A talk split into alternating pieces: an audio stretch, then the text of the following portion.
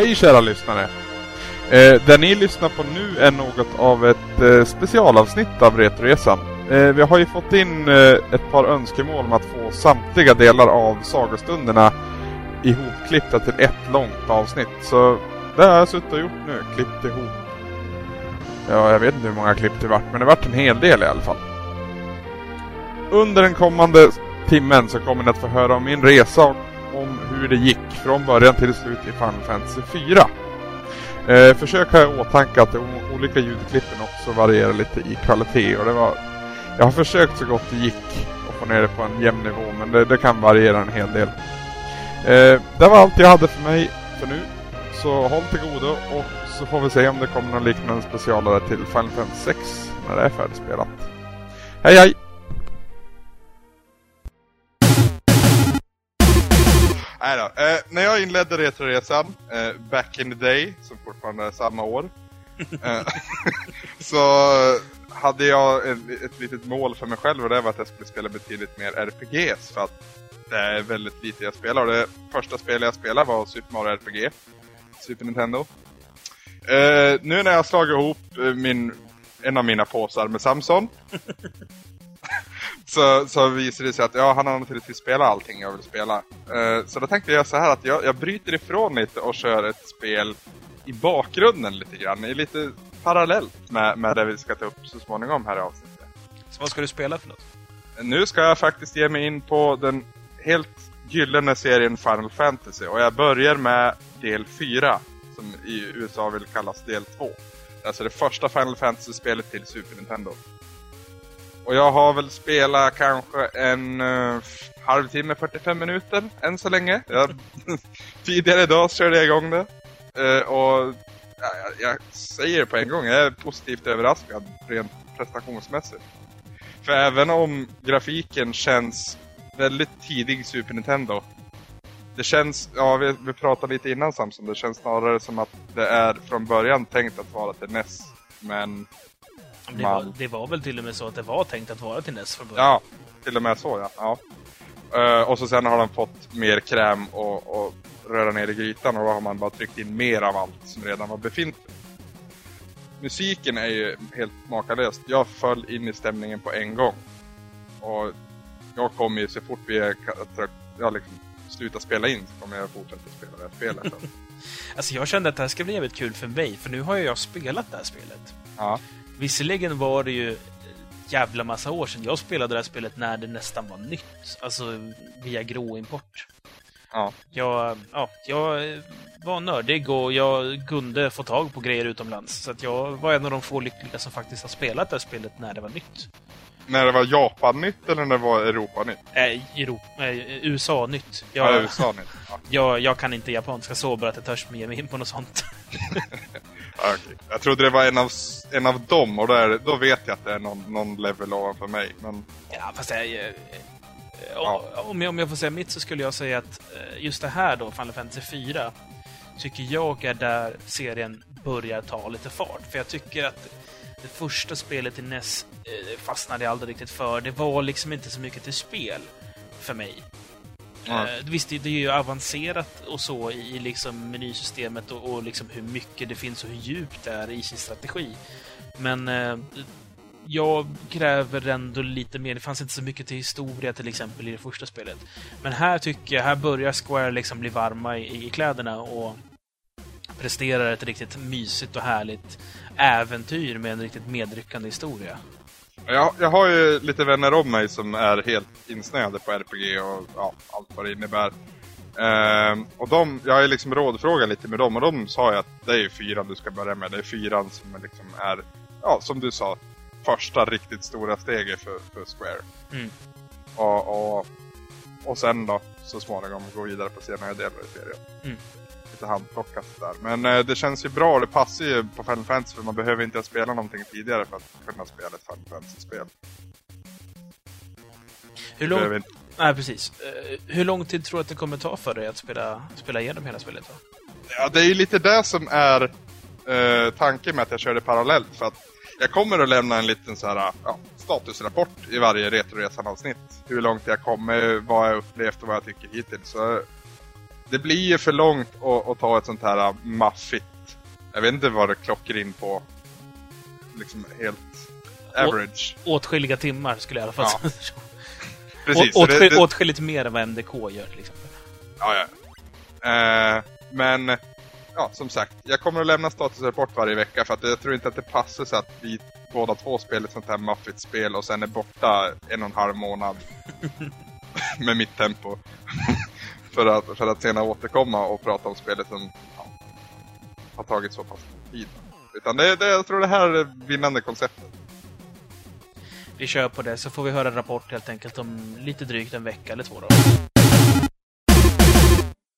Då ska jag bryta in lite och prata om min Final Fantasy-resa som jag gör helt själv i och med att Samson redan har spelat spelet. Och det är alltså Final Fantasy 4 som jag håller på och spelar. Just nu i denna, inte just nu när vi spelar in, men mitt uppe i all denna Star Wars-hysteri så satt jag mig ner en kväll och spelade Final Fantasy 4 helt enkelt. Jag Har väl inte kommit så mycket längre. Jag har blivit, jag har gått igenom en grotta. Eh, jag har slagits mot min första riktiga boss som är någon typ av vit hästdrake, kan man säga så. Rätt kul. Jag känner dock att jag virrar runt lite där i början och levlar mina två karaktärer lite väl mycket. Sen har jag då kommit till den här staden där vi, fri, ja, vi frigör någon typ av elddrake eller nå, någon typ av bomb av något slag. Jag vet inte vad det var. Som dödar eh, alla invånare och man blir kvar där med ett barn som ens mamma man hade precis haft ihjäl. Eh, Det här barnet tar man sedan med sig för man får lite, lite samvetskval, kan man säga så? Du får prata du och nu Samson. Ja, jag får det. Ja, ja, ja. Jag trodde det var munkavel mig för att jag inte skulle spoila det för dig. Nej då. Eh, vet du vilket, vilken sekvens jag pratar om? Ja då. Ja, i alla fall då. Det här barnet har man, man kan vi säga det? Karaktären man spelar som heter Cecil i alla fall.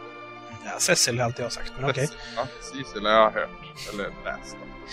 Som har blivit deporterad från sitt kungarike. Ja, det är just i den här sekvensen jag pratar om man blir det. Eller man, man inser att man kommer bli det. För man kan inte lyda sin kejsares order längre. Och det här kungariket är ju det starkaste i världen, vad jag förstått. Efter den här sekvensen då så...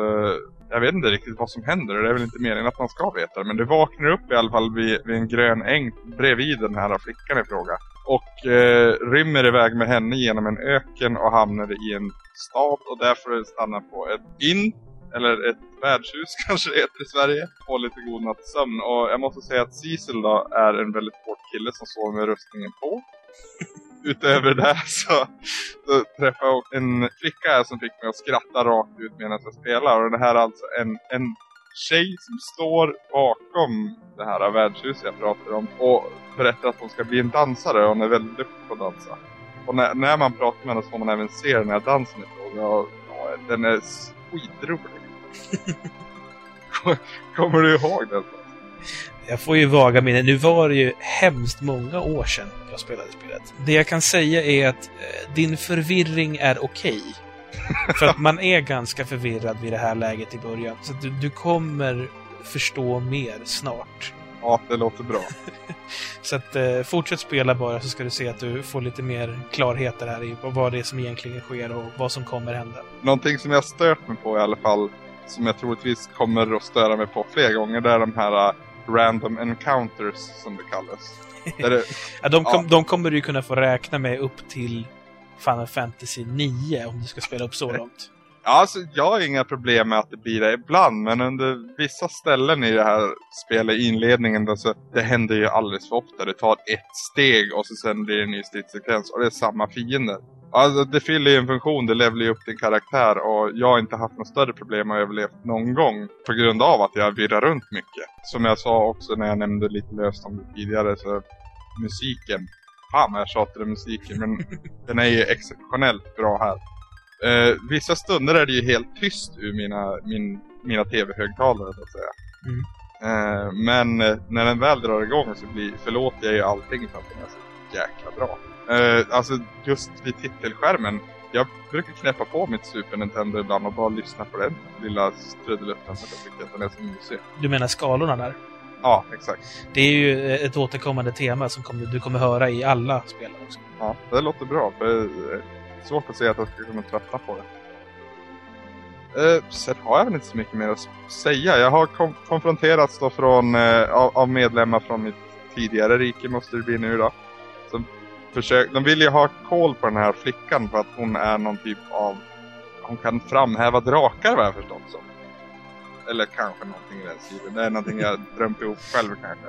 Men eh, du försvarar henne i alla fall och efter det så blir hon allierad med dig så att säga. Hon, ja, du vinner nytt förtroende hos henne trots att du har dödat hennes mamma. Det var ju någon, ingenting du valde att göra utan du vart ju lite lurad. Vad min kompanjon har tagit vägen, jag helt tappat vad han heter. Men eh, ja, vart han har tagit vägen är jag väldigt osäker på faktiskt. Det ska bli spännande att se när jag stöter på han nästa gång. Då var det dags då för mig att eh, avlägga en Final Fantasy-rapport igen. Och ni som lyssnar på Retoresan vet ju att jag håller på och spelar Final Fantasy 4 till Super Nintendo. Uh, och eftersom ni inte fick någon rapport i sena, eller tidigare avsnittet av Retoresan så har vi lagt manken till att spela en bra bit in nu. Eh, när jag senast pratade så hade jag kommit till staden Kaipo och precis skyddat eh, Rydia mot en general från mitt gamla kungadöme Baron. Och där fortsatte jag spela då. Och efter jag hade skyddat den här lilla flickan så ansluter hon sig till mitt party. Eller min grupp kan man väl säga, det heter partyspel. Eh, när jag vandrar omkring i den här lilla staden Kaipo sen så upptäcker jag också att där finns min Rosa, eller Rosa, eller vad man ska säga. Inte riktigt hur man uttalar det namnet. Jag har alltid kallat henne för Rosa.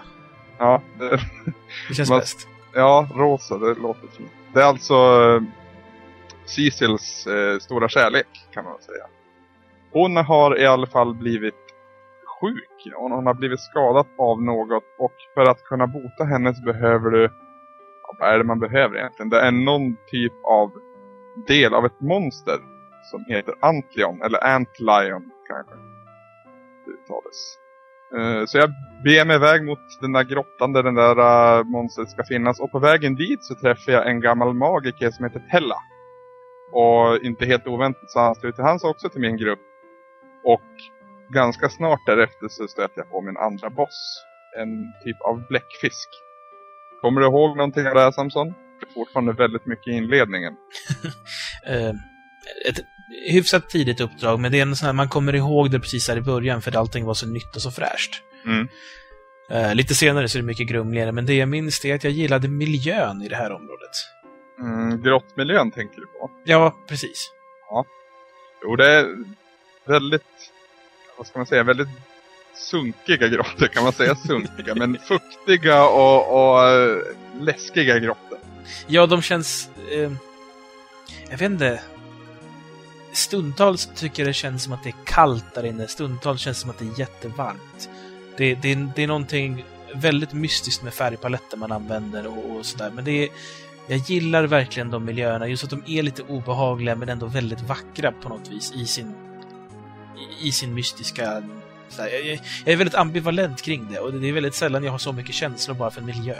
Mm.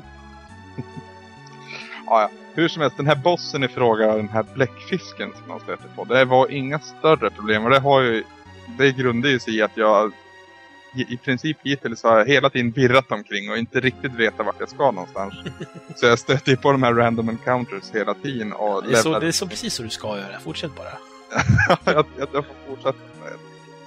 Men i alla fall, efter den här bossen då så kommer jag till staden, ja hur uttalar man det då? Damsian? Det törs inte ge mig på uttal.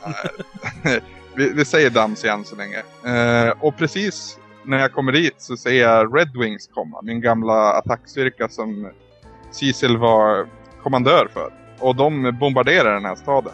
Och strax därefter strusar jag in och stöter på en flicka som heter Anna. Det visar sig då att Anna är alltså den här gamla trollkarlens dotter. Och eh, den här dottern är även en eh, pojkvän som heter prins Edward. Alltså, han är alltså prinsen av Dansien. Eh, kort därefter så dör Anna och Tella går i vansinnestakt och ska kräva sin hämnd på, ja, vad heter den här äh, bad guyen? Och det har ju, det har ju visat sig att det är Golblees som är ny kommandör för Red Wings och spelets stora skurk. Ja, han ska i alla fall kräva sin hämnd mot honom. Eh, efter lite övertalning så ansluter sig då den här prins Edward till min grupp istället. Och ja, eh, vad ska man säga om han? Han är en charmör kan man säga. Han sjunger mot sina publiker och kan charma dem och paralysera dem. Eh, väldigt mesig karaktär till en början. Men han börjar växa på mig. Allt eftersom. Eh, vad kan man säga mer? Ja, efter det då så ska jag äntligen till den här Antions grotta, det här monstret i fråga. Och för att ta sig dit så behöver jag då ett luftskepp som jag får tag i i den här staden Dansia. När jag väl kommer dit så är den, det är en väldigt fiendefylld grotta där med mycket nya fiender som jag har lite problem med. Men det går ju bra och de fienderna jag har mest problem med det är de här som bara kan dödas av magi. Eh, Cecil då, min huvudkaraktär, han, han är ju bara bra på strid än så länge. Jag vet inte om det kommer ändras längre in i spelet. Men... Och när han attackerar då tar det max en poäng. Kan man säga. Eller ja, en poäng i skada. Medans magi verkar vara väldigt sårbar. Jag kommer inte ihåg exakt vad de här fienderna heter men det ser ut som stora lerklumpar. Det finns olika färger på dem.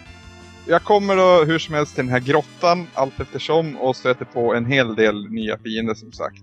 Eh, när jag väl kommer i kontakt med Antlion så menar prins Edward på att det är en fredlig varelse men det visar sig inte det helt oväntat att det är han inte. Så här ställs han mot min tredje boss inte heller här har jag så mycket problem. Men jag känner hela tiden att jag ligger lite före vad jag borde ligga om jag visste vad jag skulle göra. Men det är väl kanske någonting som är bra, för annars skulle jag nog bli rätt ledsen.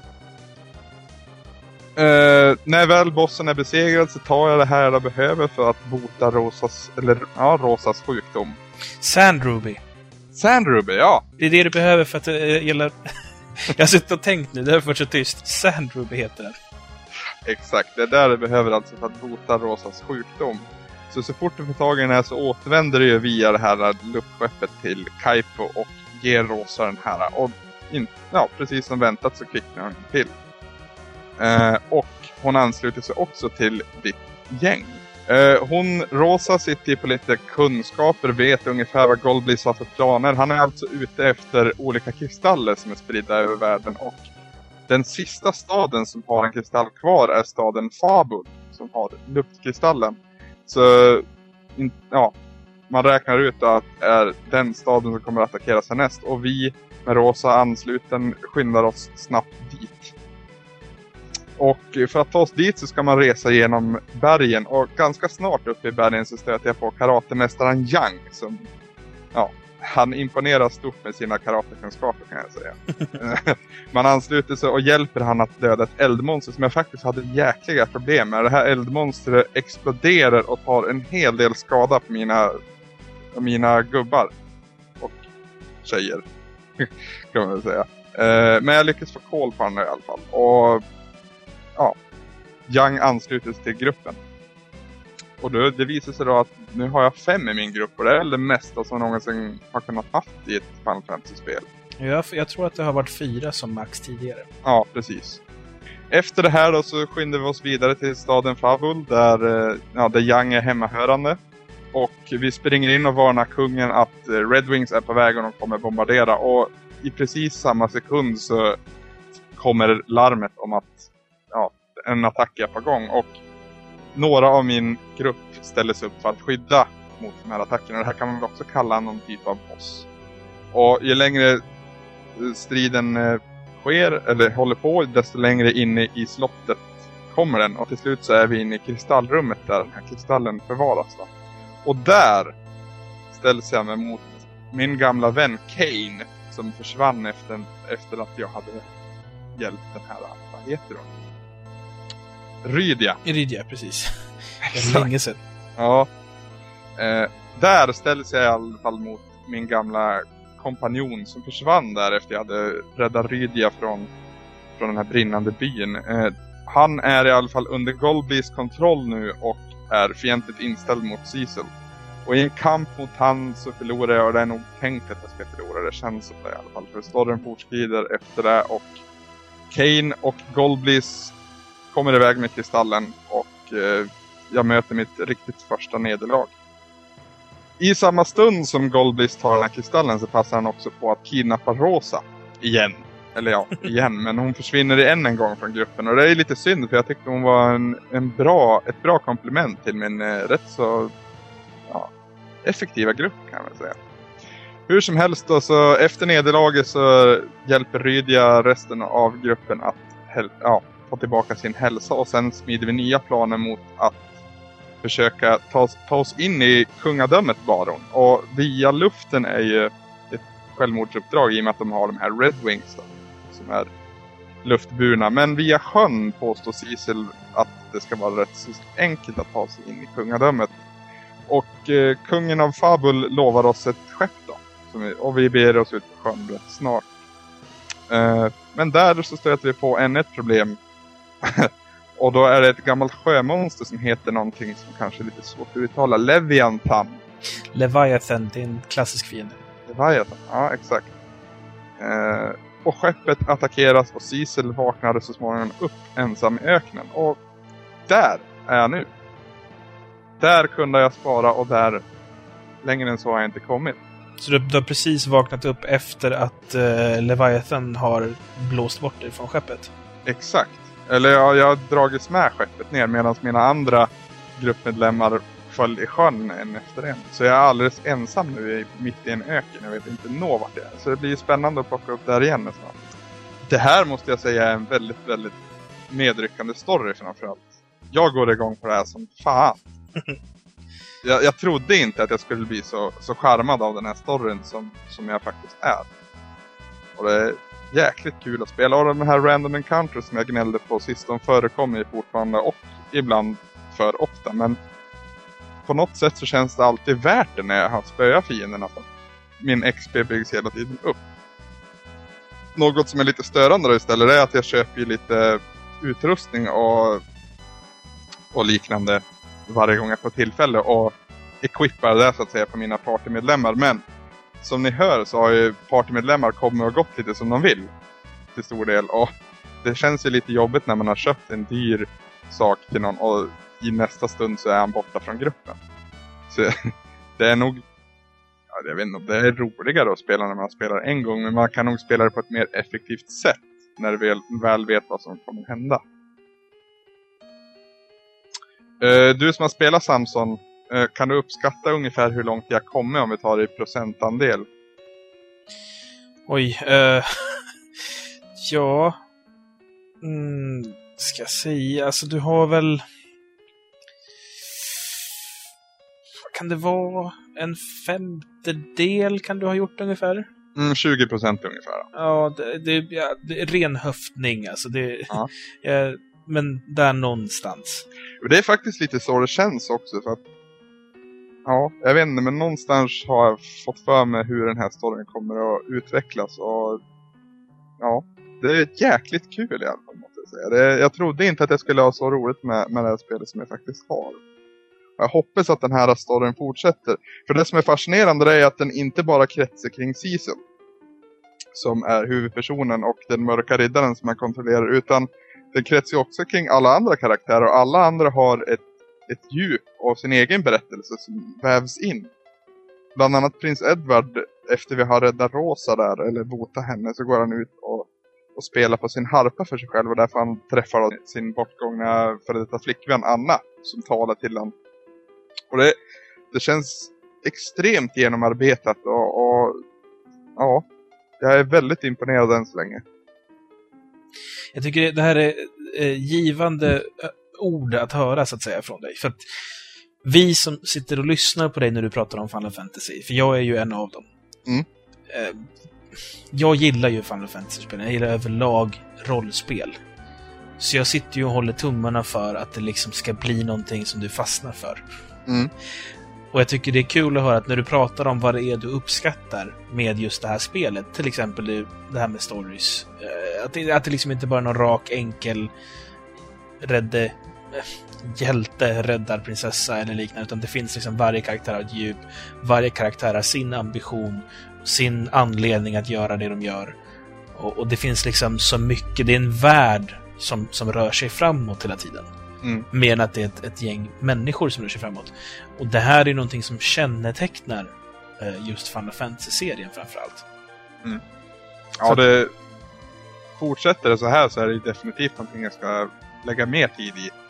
I både kommande delar av serien och andra spel. Jag tycker att uh, gillar du det här så, så, tycker jag definitivt att du ska fortsätta vidare i Final Fantasy-serien för att det blir ju inte sämre. Ja, det låter ju lovande Samson. Uh, jag börjar ju faktiskt förstå. Jag, som jag sagt tidigare så har jag jag har ett par kompisar som är väldigt insnöade på den här typen av spel och de har ju tjatat på mig att jag ska spela framförallt Final Fantasy och nu börjar jag förstå vad deras ja, vad deras snack går ut på så att säga, vad de var så lyriska för. Det är det som är problemet med de här spelen. Det går liksom inte att förklara vad det är som gör det bra. Det går inte att visa bilder på vad det är som gör det bra. Det går liksom inte att locka in någon med traditionell media, utan det enda sättet att få någon att fatta varför de här spelen är bra, det är att sätta dem framför tvn och säga här, spela. Mm. Mm. Ja, jag är helt trollbunden faktiskt. Så än en gång, så fort vi slutar spela för idag, eller spela in för idag, så fortsätter jag med Final Fantasy. Det låter bra.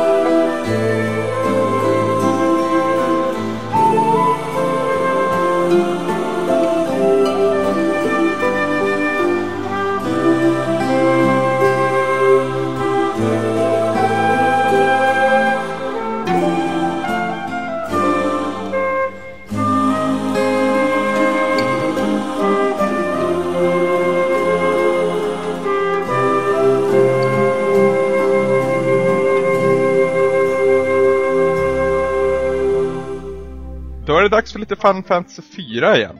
Eh, senast fick ni ingenting så nu blir det ju extra mycket den här gången igen. Jag håller trenden på varannat avsnitt. Jag vet inte om det är någonting jag ska fortsätta med.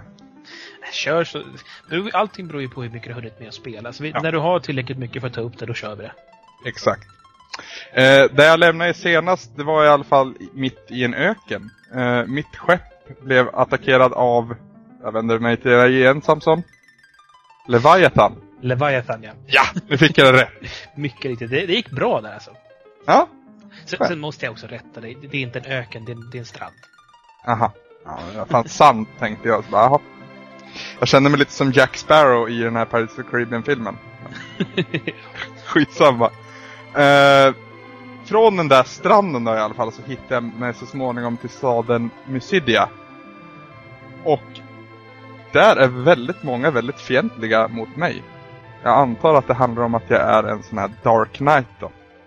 En trollkarl förvandlar mig till en padda och en flicka som börjar med att dansa för mig, hon förvandlar mig till en gris. Det känns ju lagom till roligt att komma dit och dessutom saknar jag alla mina partymedlemmar. Jag är alldeles ensam vid den här tidpunkten. Hur som helst så pratar jag lite med de här The Elders i den här stan och de säger att de har ju också en fientlig inställning till Goldblees.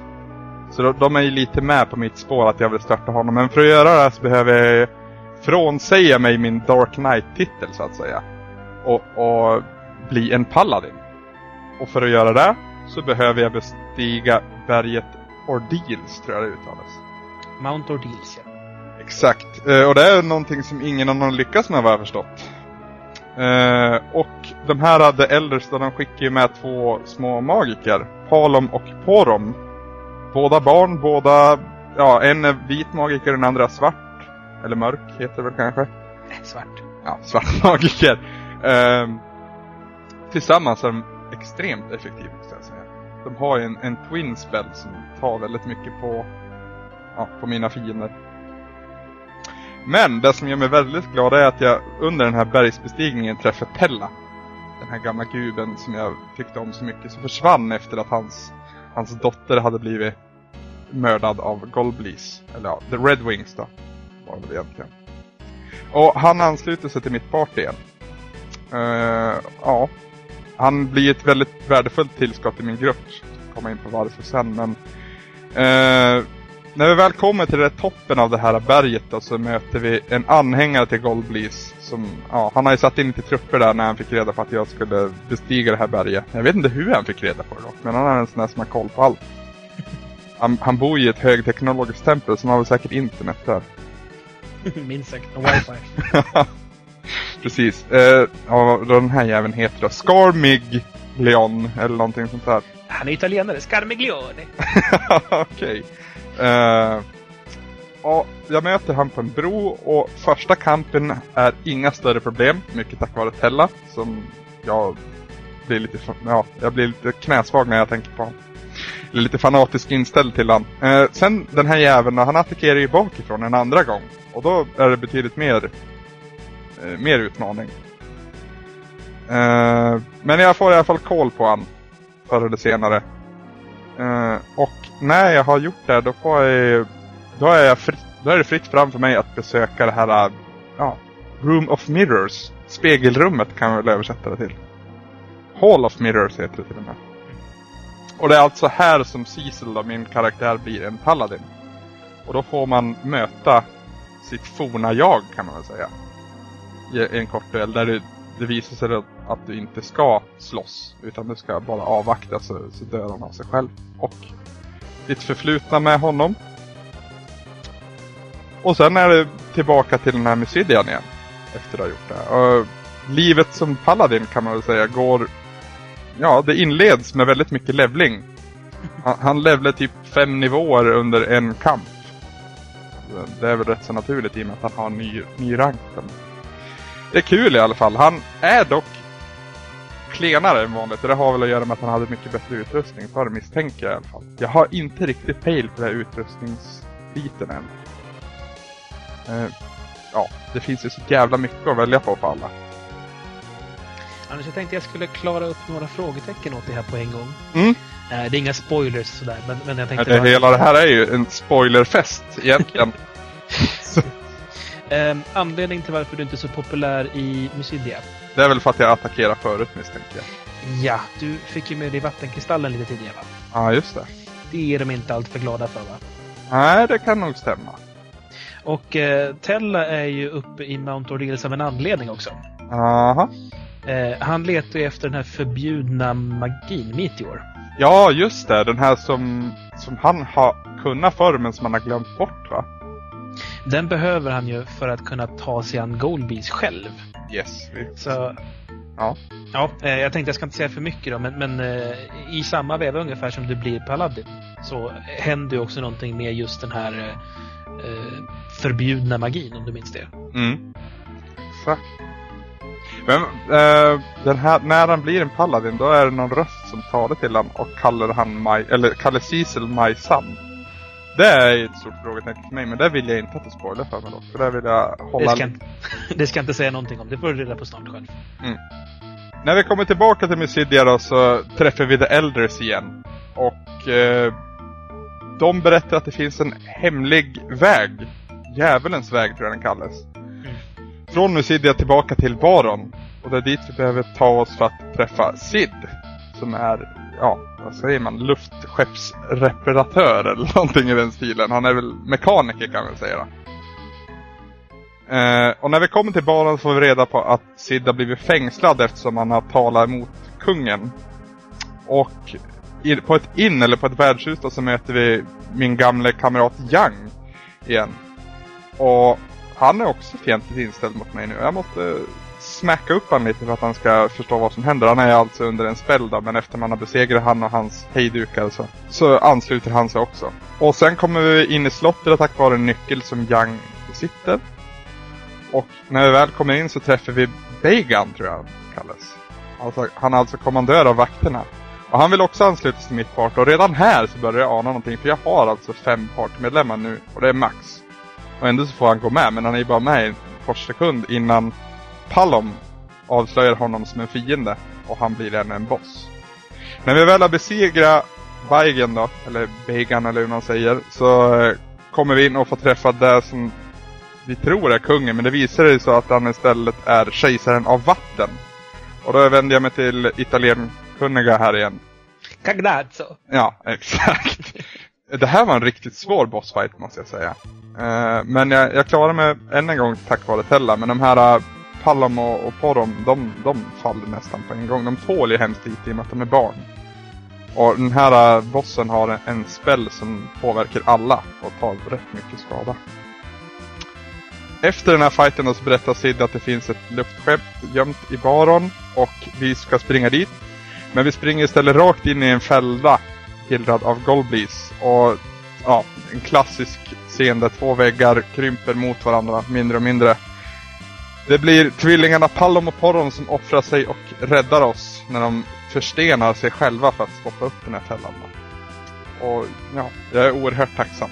Jag ska också tillägga en till sak här. Jag avbryter mycket. Ja men det, det är jättebra. nu börjar vi komma in på sånt som jag kommer ihåg nämligen. Ja. eh, jo, de här två eh, pizzorna jag pratade om. Cagnazzo och Scarmiglione. De har väl att göra med kristallerna som Golblees besitter? Delvis ja. Det, så här, det finns ju, eh, de är ju så kallade archfiends de här. Mhm. Eh, det finns fyra archfiends. Och vad finns det mer av som det finns fyra av? Element. Kristaller. Ja, jo men kristallerna är knutna till element. Precis, och Scarmiglione är ju den första archfiend, Skag- eller Cagnazzo är den andra. Mm. Nu ska inte jag säga något mer, men du kan nog räkna ut hur många siffror det är kvar i den här beräkningen. Mm. Ja, jag ville bara påpeka det, att det så att du inte missar det här med archfiends, för det, det har en viss betydelse. Ja, det är ingen fara. Jag tror jag har rätt mycket koll faktiskt. Jag har ju kommit en bit längre och vi ska fortsätta. Du hade precis blivit räddad av Palom och Poro. Yes, och vi var på väg till luftskeppet då. Uh, luftskeppet som heter Enterprise. Star Trek-referens. och så fort vi, vi kommer upp i luften då så möts vi av Red Wings. Som fortfarande leds av min gamla vän Kane. Och han berättar då att Golblis håller Rosa fången. Det är alltså min gamla kärlek Rosa vi pratar om. Och han är beredd att göra ett byte. Om jag får tag i den sista kristallen, alltså jordkristallen då. Eller ja, The Crystal of Earth heter det väl. Så, så ska han släppa Rosa fri. Och den här kristallen den vaktas av en mörk alv i en grotta inte så långt härifrån. Uh, grejen med den här grottan är dock att den skyddas av ett uh, mystiskt magnetiskt fält. Uh, och ja, den här alven är ju svag emot metalliska vapen. Så det är just därför han har satt upp det här fältet. Så att när jag kommer in i den här grottan så småningom då så visar det sig att, ja, Cecil kan ju inte använda sitt svärd bland annat. Tella har en annan metalliskt på sig så han blir också väldigt svag. Så det blir i princip Young som sköter den första striden innan jag fattar vad det är jag ska plocka bort från, ja, från mina karaktärer. Och då blir de ju väldigt svag istället. Så den här grottan är mitt första riktiga ja, min riktiga kulle så att säga. Där jag stöter på riktiga problem och dör ett par gånger. Lyckligtvis så finns det ju ja, savepunkter säger jag väl då, i och med att jag pratar med dig. eh, I den här, ja, på två olika ställen tror jag i de här grottorna. Så jag, jag behöver inte börja, jag behöver inte göra om så väldigt mycket. Eh, så småningom möter jag den här alven, den här mörka alven ska jag säga. Eh, och jag får fetpisk helt enkelt. Men! Till min undsättning så kommer faktiskt Edvard, den sjungande prinsen.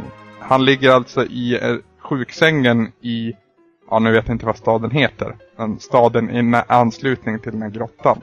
Troja. Heter den så? Ja, fast med i.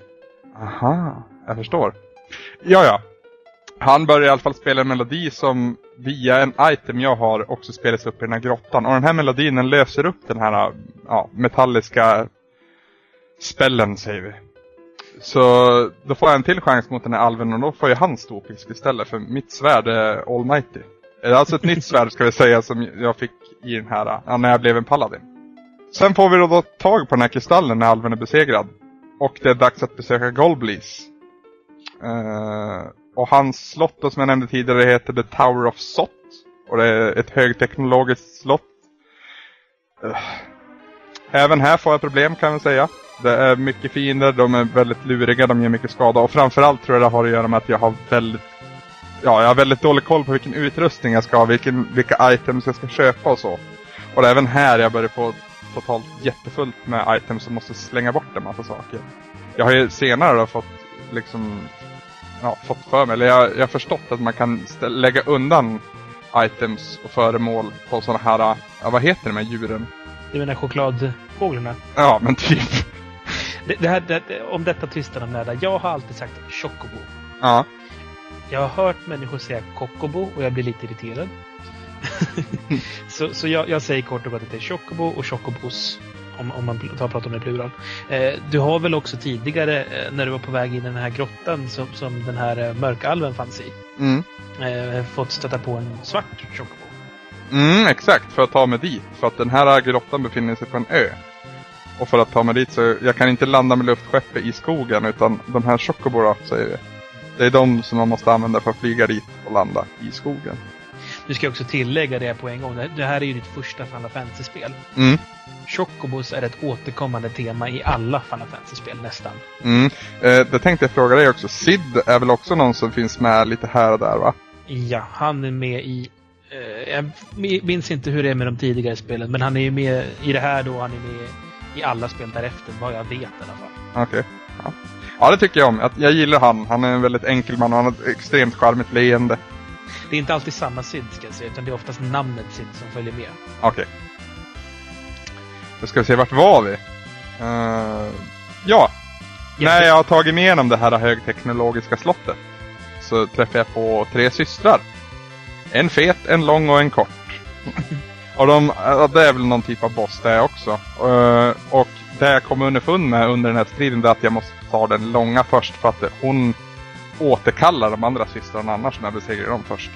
Lyckligtvis så tack vare det här jobbiga partiet när, när jag åter och åter dör, både i grottan och i det här slottet, så har jag levlat upp mina karaktärer. För när jag spelar med de, ja, vad säger oddsen jag spelar med, så får jag extremt mycket XP ibland när jag överlever striderna.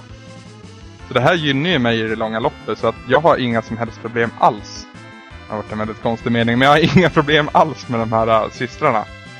Och ja, snart är de död och då får jag äntligen möta Golblis då. Inte helt oväntat så visar det sig att han har inga som helst intentioner på att släppa Rosa fri. Eh, efter lite dialog så förlorar ju Tella kontrollen av sig själv, eller ja, Sunset då så att säga. Och eh, han börjar attackera Golblis. Och då använder den den här äh, meteorattacken då som du pratade om. Uh, och den gör ju extremt mycket skada, 9999 tror jag det visar. Men det innebär ju också att Tella dör. Faktiskt. Han, han uh, offrar sig själv för att hämnas sin dotter, säger han. Golblis lyckas dock fly men han är påtagligt skadad av Tellas attack. Och hans kontroll över Kane löses i denna stund upp och Kane eh, ja, vaknar till sitt riktiga jag så att säga. Eh, han berättar att Rosa är fara och vi skyndar oss in i det andra rummet och hinner precis rädda henne. Så både Kane och Rosa ansluter sig vid den här tidpunkten till mitt party. Och kort därefter så möter jag den här ja, luftkejsaren då. Eller vindkejsaren. Eh, ja, än en gång Samson. Barbaritia. Nej. Va? Är det inte den du tänker på? Valvalicia. Valvalicia. Aha. Ja, jag har spelat en annan översättning, men det är samma person. Det är, det är nästa ärkefiende, Archfiend. Okej, okay, ja, exakt. Eh, besegrar henne ganska enkelt, mycket tack vare Kanes hoppattack som löser upp hennes primära skydd då, som är vind. Och sen så gör ju mina allihopa väldigt mycket skada. Eh,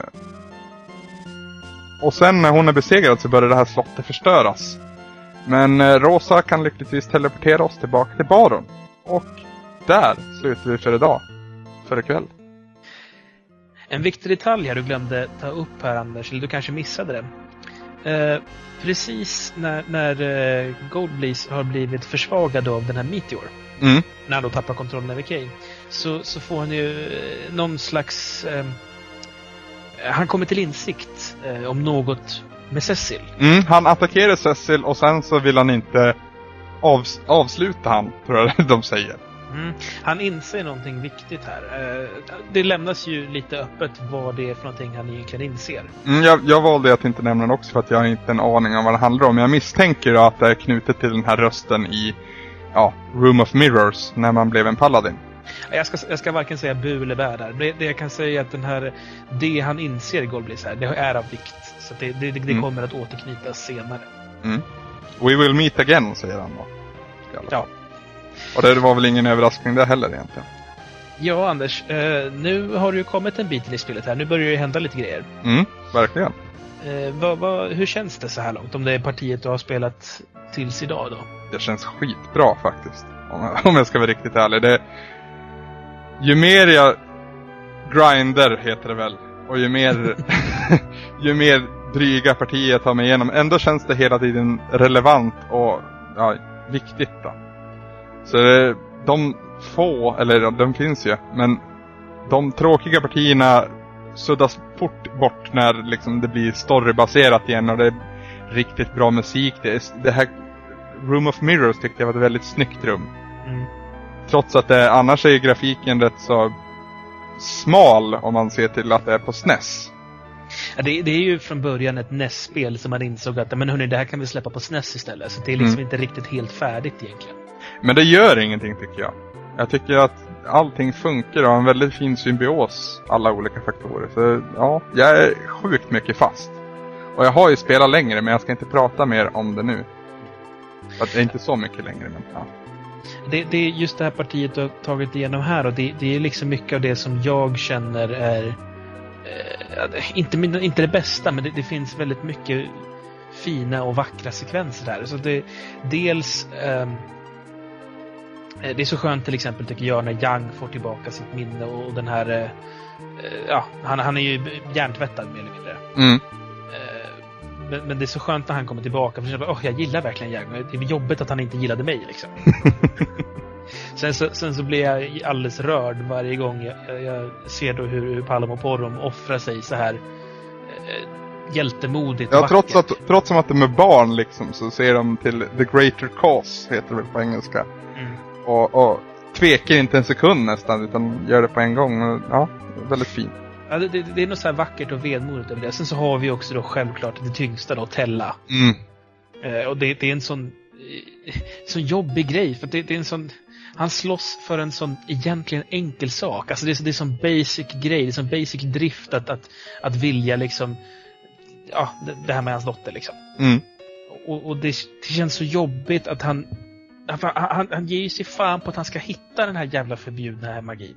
Och när han hittar den och han faktiskt får tillfälle att använda den och gör det och den räcker inte. Nej. Eh, och det, det, den försvagar fienden. Men det, det, är ändå skönt att veta att den faktiskt gjorde någonting. Men samtidigt känns det som att det hade varit det hade nästan varit skönt om han lyckades. Ja. Bara för att få känna att han fick sin revansch innan han tog sitt sista andetag. Men vem vet? Eller ja, jag vet inte i alla fall. Det kan ju vara så att eh, Kane i fråga, för det, det är det Tella gör egentligen. Han, han låser upp Kane så att säga för mitt party. Han kanske blir en så pass viktig pusselbit så att det är det som krävs för att besegra Goldbliss till slut. Så att då är det ju indirekt han då som har varit delaktig. Sen tycker jag också att det är väldigt vackert när, när Tella får besöka Edward. Det nämnde jag aldrig men innan vi går in i den här grottan så träffar vi Edward i, när han ligger i sjuksängen. Och då så berättar ju ja, Tella för Edward att, han, att hans dotter var väldigt lycklig tillsammans med Edward och att han var stolt över sin, vad säger man? Svärson då. Ja. Så ja, ja, jag gillade Tella. Jag ja, tycker det är väldigt synd att han var tvungen att dö där men jag förstår ju hans, hans, hans reaktioner och hans agerande känns ju väldigt mänskligt. Tycker jag. Ja, Anders, jag skulle säga att du nog har passerat halvvägssträcket vid det här laget. Asså? Eh, Ja, alltså det, det är ju mycket kvar förstås. Det är Ja, ju ett kort spel på något sätt. Men eh, du eh, har tagit dig hyfsat långt nu. Mm. Jag måste börja lära mig de här ja, rustningar, items och sånt för... Åh. Det är många gånger, efter jag varit Paladin så har ju framförallt Cecil varit väldigt... Ja, han, han tål inte så mycket stryk. Det har väl också att göra med att min level kanske inte är där den borde ligga.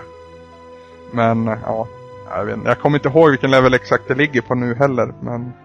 Jag måste bli lite starkare framförallt försvarsmässigt. För, för attacker är inga problem. Men i, i i just det här slottet så fanns det en, en typ av fiende som, kast, eller som kastade en eld, en fire spell då säger vi, på, på alla mina partmedlemmar och den, den tog ju över 200 på varenda en nästan. Och det, det svider ju, framförallt när, när de här, ja magikerna är inte lika kapabla till att skydda sig och har inte lika mycket HP så de, de, då blir det att man får hila sig själv hela tiden.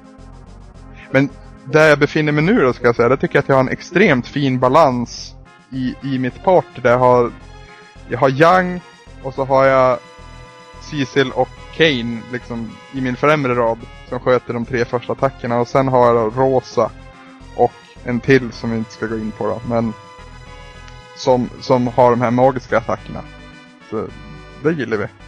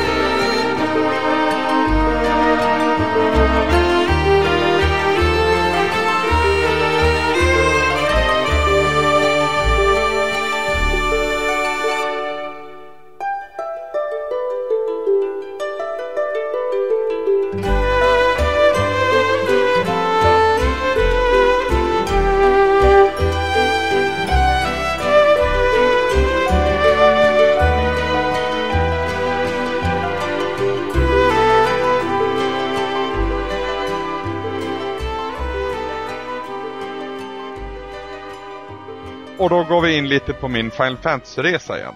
Eh, senast jag pratade om spelet så hade jag ju precis mött Goldbleeze. Eh, jag hade befriat Rosa och Kane och vi hade teleporterats tack vare Rosa tillbaka till staden Baron och det är där vi fortsätter nu. Och när vi kommer till Baron så berättar då Kane som ja, precis ansluts till mitt party igen att Goldbleeze faktiskt inte besitter alla kristaller i denna värld utan att det också finns så kallade mörka kristaller. Så ja, vårt nya mål då, vårt nya objektiv så att säga, det blir att försöka få tag i dessa. Eh, efter lite omkring fumlande och omkring vandrande, för jag är rätt osäker på vart jag ska ta vägen här, så hamnar jag i staden Agalt. Agalt, jag vet inte riktigt hur det uttalas. Och där lyckas vi öppna en väg till underjorden. I att slänga iväg, eh, jag vet inte vad, vad den heter riktigt, man slänger någonting i en fontän i alla fall, i en brunn. Kommer du ihåg det här sen? Magma Rock. Alltså magmasten. Det, det är väl alltså en vulkaniserad sten. Mm. Eh, som man fick av... Ja, det minns inte vem man fick den av heller. Okej. Okay. Aha. Ja, skitsamma. Eh, och vi använder då ett luftskepp och flyger ner i den här kraten som uppstår när den här vägen till underjorden öppnas. Direkt när vi kommer ner i underjorden då så hamnar vi i en eldstrid och eh, vårat luftskepp kraschar. Eh, efter den här kraschen då så flyr vi då till dvärgarnas kungadöme och där får vi träffa dvärgkungen. Eh, kort därefter får vi slåss mot en mördardocka i, i kristallrummet intill där de förvarar sin kristall. Eh, och den här fighten i fråga är ju rätt så enkel men eh, naturligtvis så ska ju en viss person lägga sig i och det är Golbly som än en gång dyker in i bilden och vi blir totalt ägda helt enkelt. Golblis kallar fram en drake som gör enorm skada på mitt party och till slut är det bara Cecil kvar. Precis när Golblis och hans drake ska avsluta mig och besegra mig så dyker dock en gammal bekant upp och räddar mig och det är ingen annan än Rydia. Eh, Rydia räddar mitt skinn, vi vinner fighten men Golblis lyckas ändå fly med den här kristallen. Och Rydia pratar lite om vart hon har hållit hus. För hon försvann ju när Leviathan attackerade mitt skepp. Eh, väldigt långt bakåt i tiden om man säger så. eh, hon har återvänt, återvänt från någonting som kallas för The Land of Summoned Monsters tror jag det heter. Eh, vad jag förstått så går tiden fortare där. Hon har växt upp och lärt sig en massa nya spells och eh, nya monster att kalla fram. Här måste jag pausa lite Anders. Ja, eh, De här eh, monstren som hon kan framkalla. Ja. Eh, det, konceptet med det kallas att det är en summon. Ja. Och det är alltså att en karaktär i ditt party ropar in så att säga ett, ett, någon typ av väsen som slåss i deras ställe eller har en specifik attack då så att säga. Mm. Summons kommer du möta mer av i kommande Final Fantasy så det är ofta summons som är de starkaste attackerna i hela spelet. Okej. Okay. Eh, bara nämner redan nu att det här är ditt första möte med summons men du kommer vara väl bekant med dem så småningom här. Mm, jag har ju bekantat mig en hel del själv kan jag säga för jag har ju upptäckt också att de är väldigt starka, väldigt effektiva. Oh ja, väldigt väl. Du kommer också märka att eh, vissa summons är återkommande i flera Final Fantasy-spel. Mm. Tänkte du får märka vilka själv då när du spelar nästa. Det ska bli spännande. Vi smyger då nya planer att smyga in i The Tower of Babil. Eh, där alla kristaller förvaras som jag förstått det rätt. Så tolkar jag det i alla fall. Eh, dvärgarna skapar en undanmanöver. De ligger i krig med Red Wings då. Det var ju i det kriget vi dök in och därav kraschade med vårt skepp. Så vi kan smita in i det här tornet rätt så obemärkta. Eh, så fort vi kommer in så stöter vi dock på motstånd och eh, har lite problem här faktiskt. Men det visar sig att Rydia är en väldigt viktig tillgång. Och jag får ju som sagt lära mig en hel del om hur de här eh, summons fungerar och hur pass effektiva de faktiskt kan vara. Framförallt mot en större mängd fiender. Så småningom så möter vi en boss, eller rättare sagt två bossar. En doktor som först attackerar mig med en typ av, ja, jag kommer inte ihåg riktigt vad det var eh, det är någon typ av manik eller maskin, man kan väl säga en Frankensteins monster som han, han har byggt. Eh, och den här bossen är i två faser och den andra fasen är ju en bitch alltså. Eh, monstret i fråga heter Lugay eller någonting sånt där. Ja, Lugai eller... Lugai, ja. Eh, jag klarar det dock och strax innan bossen är besegrad så berättar då den här doktorn att dvärgarmén kommer att krossas av det här tornet som befinner mig i eh, den stora kanonen som tillhör tornet. Vårt nästa mål blir självklart att stoppa denna kanon och när vi kommer till kontrollrummet så besegrar vi de här eh, de som opererar den här kanonen rätt enkelt men det visar sig så att det är jag tror att det är i alla fall att vi är för sent ute så att det kommer gå typ pipsvängen. Men då kliver då Yang fram och jag vet inte vad han gör riktigt men han spränger i alla fall den här kanonen och offrar sig själv då med det. Ja, alltså han är tvungen att stanna kvar då för att lyckas spränga den här jättekanonen då helt enkelt. Ja. Jag tänkte också att jag skulle förtydliga en sak du, du, du eh, hade krånglade lite med tidigare. Mm. Eh, de här fyra Dark Crystals. Mm. Goldbleeze har redan fått tag på två av dem. Ja, just det. Eh, så att när du då sticker in till Tower of Bubbly så är det för att få tag på Goldbleeze. För det är där han har de här två han har stulit. Okej, okay, de, de fyra andra de har den i det här uh, högteknologiska slottet misstänker Eller är det samma, samma ställe som jag var i förr? Nej, Tower of Bubbly är ett annat ställe. Det förra var ju Tower of Sot. Ja, just det. Så var det. det de ser ju väldigt lika ut dock. Här, det är begränsade tillgångar på grafiken. ja, eh, Young stannar kvar för att spränga kanonen. Exakt. Och vi flyr ut ur slottet. Men på tröskeln så möter vi än en gång Goldbleeze. Han är överallt den jäveln. Ja, han ger sig inte. Han försöker fånga oss, men lyckligtvis dyker Sid upp och räddar oss. Han är alltså, ja det glömde jag säga, men han, han försvann ju strax innan vi träffar den här dvärgkungen då. För att han skulle reparera skeppet. Och det har han nu gjort och han räddar oss och vi flyr från Golbis. Hack i häl följer dock eh, Red Wings. Och Enterprise som vårt skepp heter är ju lite långsammare än vad Red Wings är. Så vi får ju problem med det här. Eh, Sid den här gången offrar sig själv och stänger öppningen till underjorden strax efter att vi har flygit upp. Och ja, det känns ju tungt. Både Sid och Young borta på så kort tid. Ja. Sids sista ord blir i alla fall att vi skulle färdas till Baron. Så det gör vi och där får vi hjälp att utrusta Enterprise med en lyftanordning. En typ av krok. Så nu kan det här skeppet lyfta andra objekt. Bland annat då en eh, svävarfarkost som vi åker och hämtar. Och med dens hjälp kan vi så småningom äntra en grotta väster om Elbana. Och i den grottan har Elbana-folket då, jag vet inte, någon typ av ninja-folk skulle jag säga. Åt det hållet i alla fall. Ja, de har gömt sig undan då sedan Red Wings attackerade deras stad. Uh, och det visar sig att prinsen av detta folk har börjat gräva en tunnel till underjorden. Och vi träffar denna prins, han heter Edge och vad kan man säga om han? Han är rätt så hetlevrad. ja, han, eh, han söker ju hämnd för sina föräldrar. Mm, exakt. Vi, vi träffar på honom alldeles mitt uppe i en kamp med Rubicante eller Rubisante eller och det här är den första som är italienare, vilket sabbar stämningen lite. Ja, det, din teori och ja. Eh, ja, han är i alla fall eldkejsare då. Och i den här kampen så får ju Edge ordentligt med smisk. Eh, Rubisante eller Rubicante eller hur det nu var. Han dödar dock inte Edge utan eh, han sticker när Edge fortfarande är vid liv. Och vi assisterar Edge, vi hjälper att, honom att hela sig och efter lite dialog så ansluter han sig till mitt party. Och så kommer vi återigen till uh, The Tower of Babil då. Som vi nyss var i. Och Edge hjälper med sina ninjakunskaper oss in i tornet. Uh, och så vandrar vi omkring där inne ett tag och stöter så småningom på kungen och drottningen av Elbana. Edge föräldrar med andra ord. Men det visar sig tyvärr att dessa två är korrupta av ondska.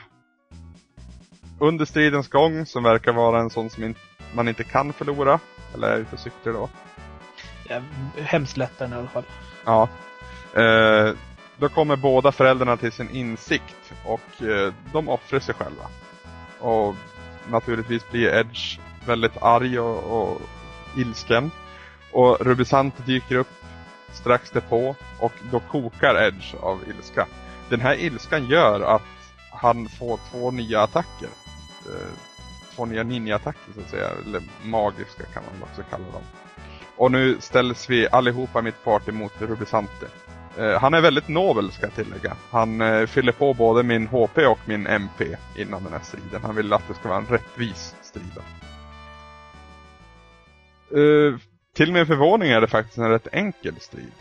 Jag vet inte om det har att göra med mitt omkringvandrande jag nämnde tidigare när jag inte riktigt visste vad jag skulle göra. Men där var i princip alla partymedlemmar upp ett par nivåer i, i level. Så ja, det går rätt bra. Eh, han dör inte dock, Rubisante. Han pyser därifrån. Men eh, menar på att vi kommer att träffas igen. Eh, strax därefter blev vi kontaktade av folkambassadörer från staden Elbana då, och de menar på att Edge har förpliktelser i hemstaden. Men Edge insisterar på att han vill hjälpa våran grupp. Det är ju väldigt schysst av han. Kort därefter så faller vi i en fälla och hamnar långt ner i, i tornet. Eh, Babil-tornet. Och där hittar vi en ny modell av en Redwing. Och Edge är framme snabbt och döper detta skepp till Falcon. Eh, vi tar det här skeppet och vi färdas till dvärgslottet igen där kungen då, dvärgkungen Giot tror jag han heter. Han ger oss en nyckel och berättar att det, då, han berättar också att det finns en mekaniker i deras sjukstuga. Och givetvis så är ju det Sid som visar sig vara vid liv.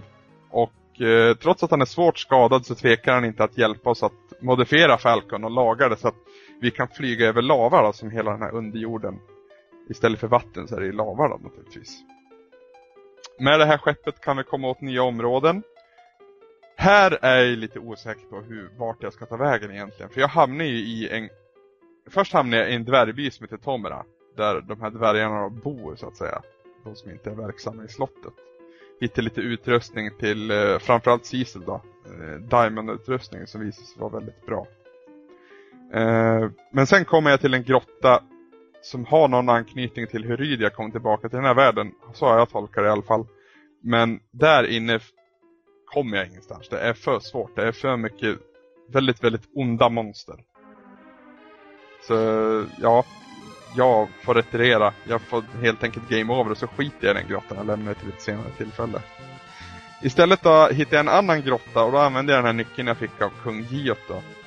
För att låsa upp den. Och här är det faktiskt dörrarna i grottan som är min största fiende. Och det här är väldigt onda dörrar också. Det är en attack från dem så är en av mina partmedlemmar döda. Eh, men det går oftast bra. Jag får använda lite items och så, så funkar det. Vad heter hon? Rosa har ju en förmåga att blockera också. Vissa av de här attackerna. Så jag får inte till det optimalt, men det är väl det som räddar livhanken på mig i alla fall. Eh, och genom den här grottan så kommer jag då slutligen till den sista kristallen. Eh, och jag minns inte vad den heter Sam, kommer du ihåg? Den åttonde kristallen? Ja.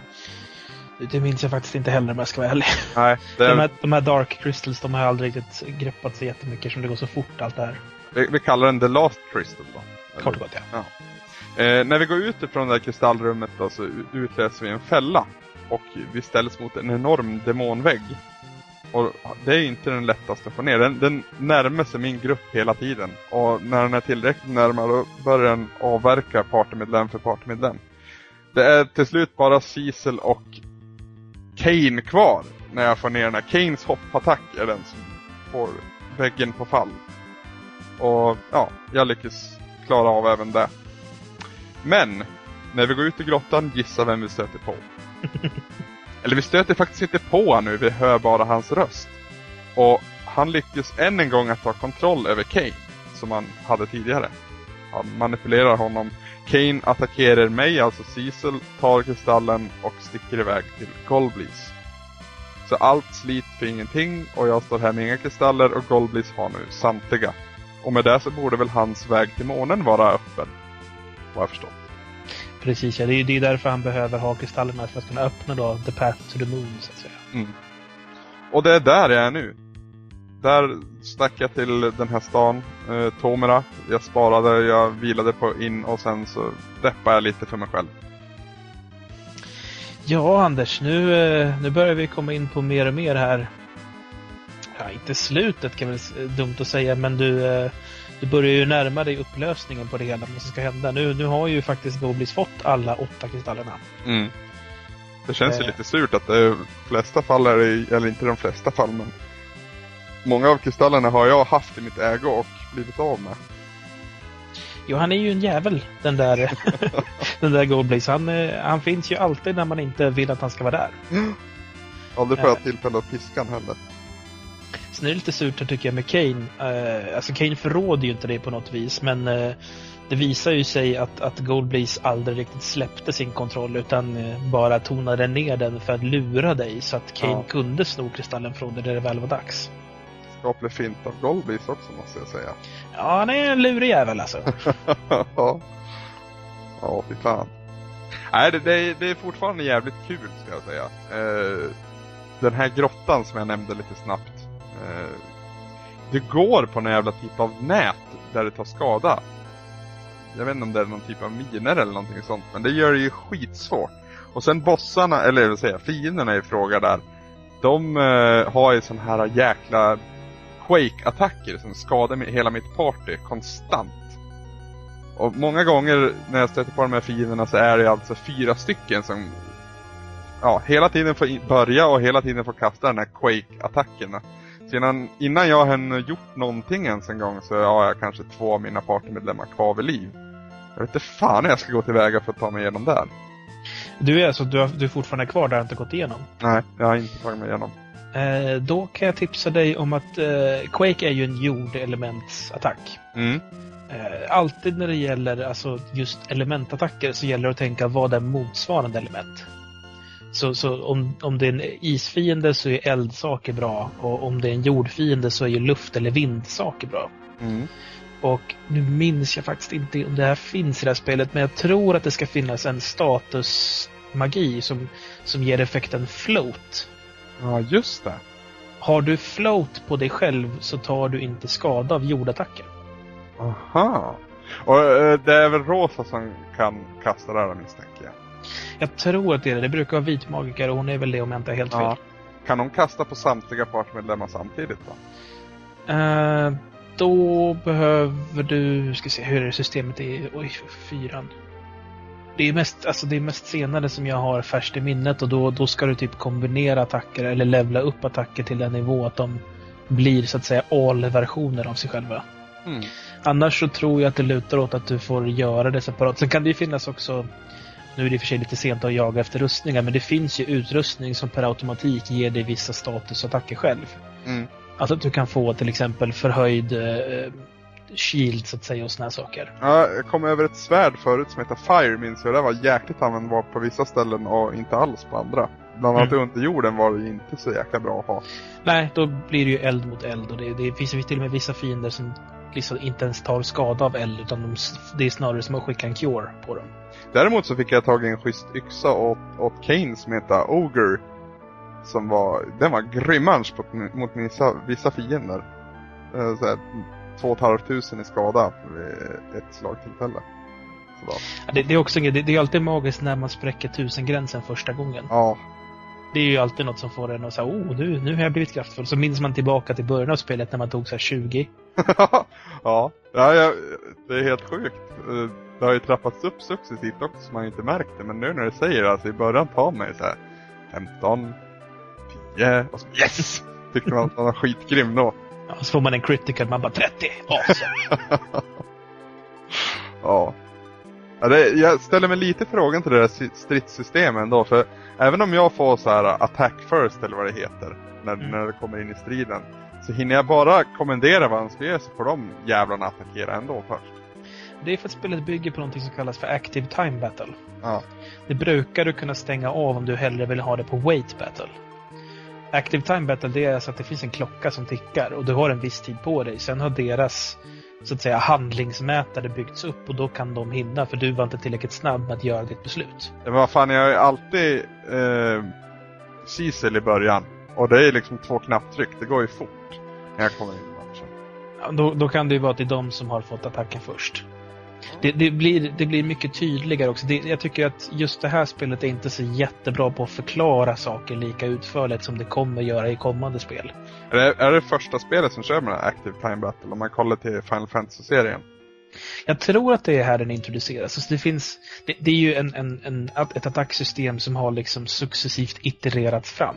Ja. Så att det är alltid lite skillnad i de olika spelen. Eh, jag tror att nu, i, alltså åtminstone i Final Fantasy 10 eller 12, så har man skippat Active Time Battle till förmån för en annan sort. Men Active Time Battle får du dras med. Dock kan du åtminstone från sjuan och framåt välja om du vill att det ska gå realtid, att du liksom fattar dina beslut, eller om du vill att det ska vara demokratiskt utdelat baserat på hur snabbt mätarna fylls upp. Mm. Så att du i lugn och ro kan navigera menyn och, och fatta beslut liksom, med lite tyngd och inte bara instinktivt köra på. Liksom. Är det... Ja, det känns ju dumt att börja ändra på det här nu. För, ja, om, ja, än en gång Samson. Mm. Du ser till hur långt jag har kommit. Vad tror du? Nu är du ju inne på, på eh, jag skulle säga att du är på den kanske inte sista femtedelen, men typ du har en och en halv femtedel kvar av spelet ungefär. Okej. Okay.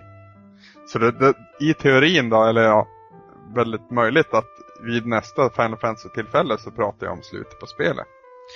Det beror på hur länge du spelar, men ja, det, det finns, jag vet inte om man ska säga risk eller chans, men det, det finns möj, det är möjligt att det blir så ja. Sen är det också det, du, du känner säkert att du inte är helt hemma på det här med uh, fighting-systemet och equip-systemet och allt sånt, eller hur? Absolut. Det är ingenting att oroa sig för. Det är sällan, framförallt inte med ens första spel, som man riktigt får grepp om det först kanske andra gången man spelar spelet. Ja, du tänker på genomspelningar nu liksom? Ja. Mitt, det första spelet jag spelade i Final Fantasy-serien, det var sjuan. Ja. Jag, jag började, jag var inte så inne på rollspel överhuvudtaget. Så jag spelade sjuan och då tyckte jag att gud vad bra det här var. Och så skaffade jag liksom backloggen till det. Mm. Och jag tror att det var, ja kanske slutet av sista skivan på Final Fantasy 7 som jag började liksom känna att jag hade kontroll över fan hur det funkade. Men nu så här, senare då när jag har kört några varv, nu kan jag ju fighting-systemet utan till i de spelen. Mm. Uh, och, och, I och med att man har lärt sig det en gång så greppar man liksom principerna bakom det. Så nästa Final Fantasy-spel du spelar så kommer du ha väldigt mycket gratis av att du har spelat det här. Jag förstår. Då så Samson, då kanske vi runder av där. Gör så.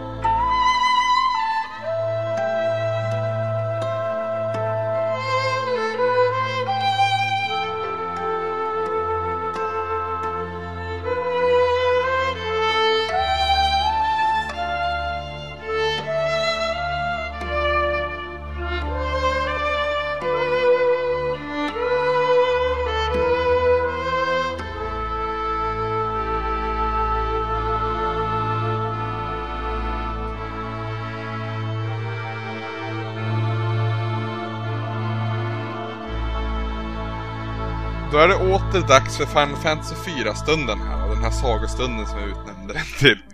Uh, ja! Ja! Uh, senast vi pratade så hade jag stött, mitt, stött på mitt största nederlag hittills. Jag hade blivit av med den sista mörka kristallen när Goldbliss än en gång tog kontroll över Kane.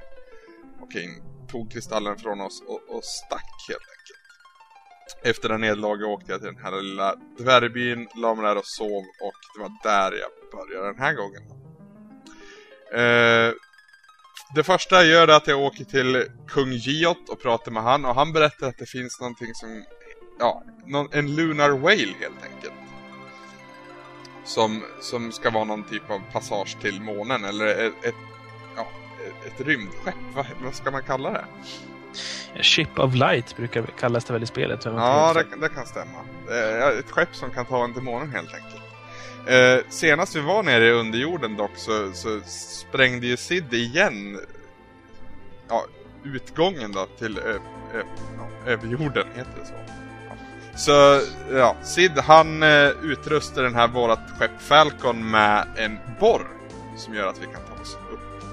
Och när vi har tagit oss upp till eh, överjorden, om vi väljer att kalla det så då, så... Markvärlden. Ja, den vanliga världen. Det, det, finns världen och sen finns det under jorden. Ja. Eh, när vi kommer upp dit i alla fall så åker vi till Mysidia och där träffar vi de här Elders då. Och de berättar om Lunar Whale. Alltså framförallt så, så manar de ju fram den så att säga. Att de, mm. de, den, den måste ju, det är ju, det är ju inte ett, ett fysiskt skepp på det sättet, utan det är ju ett magiskt eh, fenomen. Eh, Lunar Whale så att säga. Mm. Så det, de här Elders behövs ju då för att kunna få fram Lunar Whale. Så att ni kan använda dem för att ta er till månen då. Ja, just det. Och det, det lyckas de ju med. De, de ber till det här skeppet som, som stiger från sjön. Det, det återuppstår så att säga. Och via det här skeppet så kan jag med mitt party ta mig till månen. Och det är rätt coolt.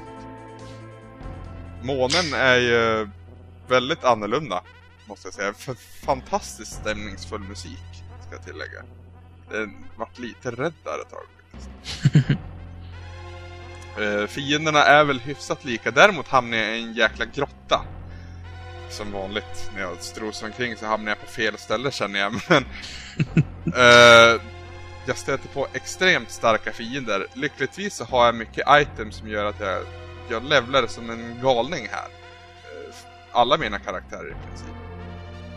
Eh, men sen när jag väl når liksom själva målet av den här grottan så träffar jag på en snubbe som säger att jag behöver kungens tillåtelse för att ta mig vidare, vilket jag inte har. Så då får jag helt enkelt vända på klacken och gå tillbaka.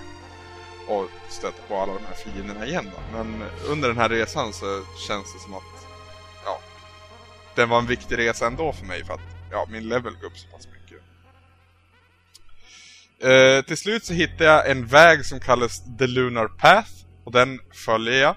Eh, via gångar och undergångar i, på den här månen då. Och till slut så träffar jag en kille som heter Fuj... Vad fan heter han? Fusoja. Fusoja. Exakt. jag, ser är... fu, jag säger alltid fu-soja. Då, då, då känns det rätt liksom. Ja, hur som helst då. Han är en sån här lunarian.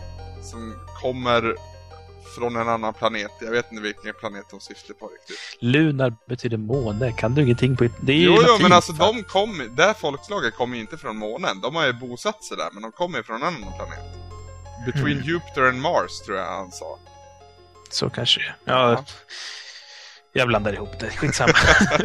jag tänkte att de var från månen. Jag ber om ursäkt. Jag tror han... att jag är fångad av namnet. Ja, det är väl så. Han berättar i alla fall lite annan information också. Det är ju rörande Cecils historia. Och det visar sig då att Cecils pappa var en sån här Lunarian. Som... Det var väl han som var ansvarig för The Lunar Whale också. Var det så Cecils pappa tog sig ner till jorden. Och sen visar det sig att också Cecil har en bror. Och det är ju naturligtvis ingen vanlig person den här bron. Utan det är ju ingen annan än Golblees faktiskt. Dun, dun, dun. Ja, en riktig twist i storyn. uh, Cecil har ju väldigt svårt att hantera det här då, naturligtvis. Uh, det vi gör dock, det är att den här Fusoya, han, han ansluter sig till mitt party och vi återländer ner till jorden igen. När vi återvänder till jorden då så, så håller en, en stor jätterobot på att terrorisera jorden. Den kallas väl Giant of Babel.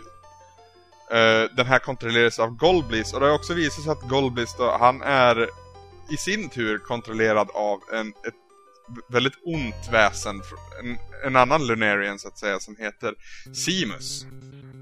Och det Simus vill göra är att han, han vill ödelägga jorden för att ha ett nytt ställe för de här Lunarians att leva på. Uh, vi bestämmer oss givetvis för att vi ska försöka få stopp på den här roboten och till vår hjälp så får vi i princip hela världen. Kan man väl säga. Uh, dvärgarna kommer till undsättning. Edward och kompani kommer till undsättning.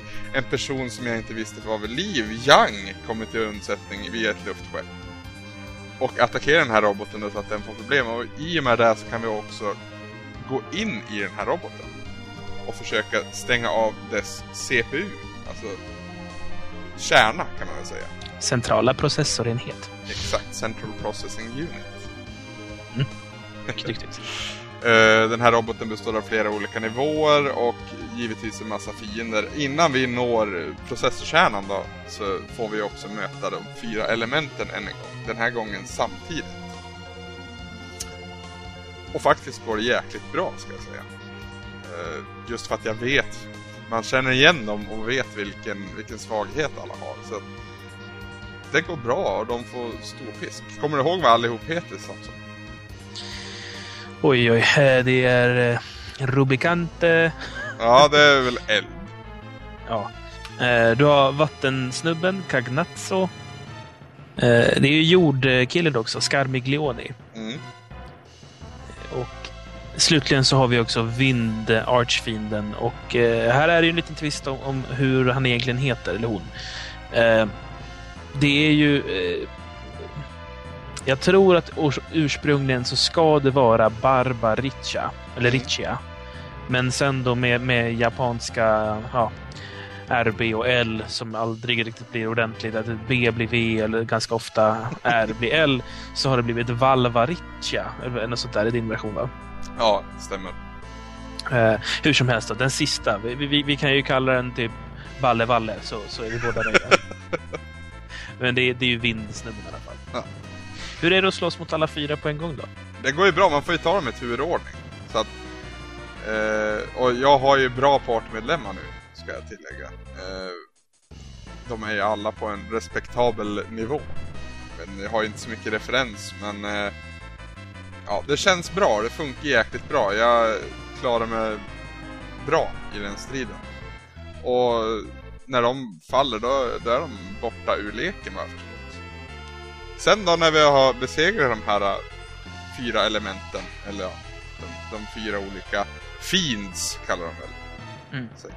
Så, så får vi då försöka förstöra den här CPU-kärnan. Den här CPU-kärnan har ju också en attackfunktion och en försvarsfunktion. Och här har jag ju problem istället. För att jag inte riktigt fattar vad jag ska göra. det, det värsta är att Fusoya säger åt mig hur jag ska göra men jag, jag förstår inte hur jag menar. Men det är liksom som tre ja, olika fiender som dyker upp på skärmen. En attack, en försvar och en kärna. Och det jag gör hela tiden är att jag kallar Titan med Rydia.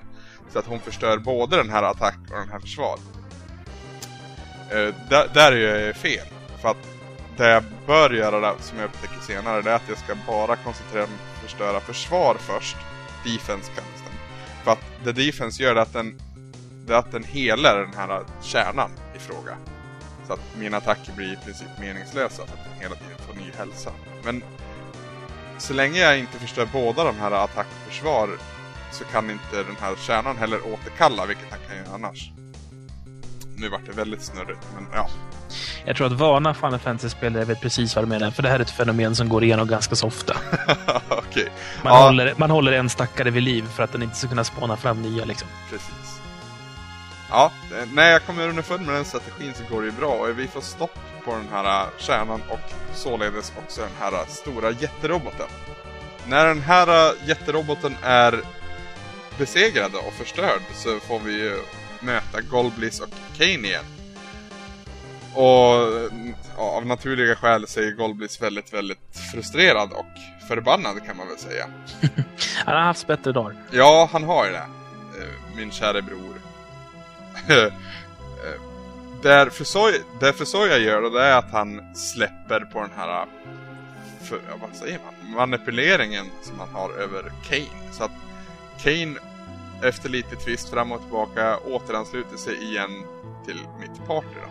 Och det, det gör ju mig väldigt glad för jag alltid gillar Kane trots att han ja, inte helt medvetet då, men vänder kappan efter vinden. Lite grann. Men han är väldigt, just hans hoppataktik är väldigt bra. Den gör alltid mycket skada. I och med detta också då så är ju Semus kontroll över Golblis borta. Och Golblis och Fusoya sticker strax därefter till månen för att försöka göra slut på den här Semus i fråga. Uh, och vi i övriga partiet följer så småningom efter via The Lunar Whale igen då, upp till månen. Och in i det här kristallrummet där vi först mötte Fusoya. Längst in i det här kristallrummet bakom tronen så finns det en portal ner till... Jag vet inte vad man ska kalla det. Det, det är väl någon un, ja, under jorden på månen då kan man väl kalla det. det ja, månens kärna skulle man kunna säga. Den heter väl Mooncore? Mooncore, exakt. Som också är en passage, eller jag ska säga en labyrint av olika gångar Och här stöter jag på extremt mycket svåra fiender. Och handen på hjärtat dör jag ett par gånger och får ladda om innan jag kommer underfund med hur alla fungerar. Så att säga. Det är sådana här stora Giant Red tror jag den kallas, eller Red Giant heter den kanske. Uh, och så blåa och röda drakar som ger mig väldigt mycket besvär. Men till slut då så stöter jag ju på Golbis och Fusoya igen när de håller på att försöka få koll på Simus. Och det lyckas de med första gången. Och naturligtvis är inte spelet slut där, men eh, man vill väl bli lurad till det. Eller, ja. De vill väl lura en till det, tror det. Men Simus förvandlas till Serumus. Ja, rätt då. Serumus, ja precis. Det är alltså någon form av spirit-form av honom. Ja. Eller vad man ska kalla det. Ja, just det. Hans ondska är för stark för att riktigt kunna förgöras genom Simus kropp. Och han till intet gör för Soja och Golbis väldigt snart. Och till slut så är det naturligtvis mitt partner som står emot Ceremus. Det vi får innan vi går in i striden det är en kristall från Fusoya som han säger åt mig att jag ska använda. Och här är jag alltså vid sista fighten i spelet. Det här är slutbossen och det är väldigt pampigt och häftigt. Uh, det första jag gör är naturligtvis att jag använder den här kristallen som Fusoya sa åt mig att använda. Och då får ju Ceremus visa sin verkliga form. Och jag vet inte vad man ska beskriva det som, men som en en hink av äckelhet. Kan, är väl rätt bra beskrivet. Väldigt fult monster. Ja, alltså Serumus är ju eh, Semus liksom ondska. Mm. Som en slags väsen. Och med den här kristallen då så tar du den här ondskan och gör den fysisk så att du kan slåss mot den. Ja, precis. För om du attackerar innan så blir det bara miss hur den gör. Mm. Uh, den här ondskan har ju några elaka attacker alltså. Bland annat så har han ju ett svart hål som gör att all magi blir verklös. Dock så ska jag säga, jag, eh, första gången jag slåss mot den här Serumus i hans naturliga form, eller hans fysiska form, så åker jag på storpisk. För att han har en Big Bang-attack som tar 1700 i skada. Uh, men jag kommer på ganska snart att jag kan kasta wall på Rydia som är min svagaste länk i det här. Och det här måste jag, det här är jag helt missat. Förra gången vi pratade om Final Fantasy pratade jag om en grotta där Rydia kommer ifrån. Uh, Land of Summoned Monsters var det mm. Den här grottan har jag ju faktiskt tagit mig igenom. Det var det första jag gjorde för att jag var så, jag var lite arg. och när jag hade liksom fått sova ut och köpt på mig lite items så tog mig igenom den här. Och det jag fick det dels, det var ju dels ett Defender-svärd åt Cecil. Som visade sig vara väldigt användbart. Eh, starkaste svärd jag stött på. I alla fall. Och eh, dessutom så får jag ju möta Asundra. Som är väl drottningen av den här Land of Summoned Monsters.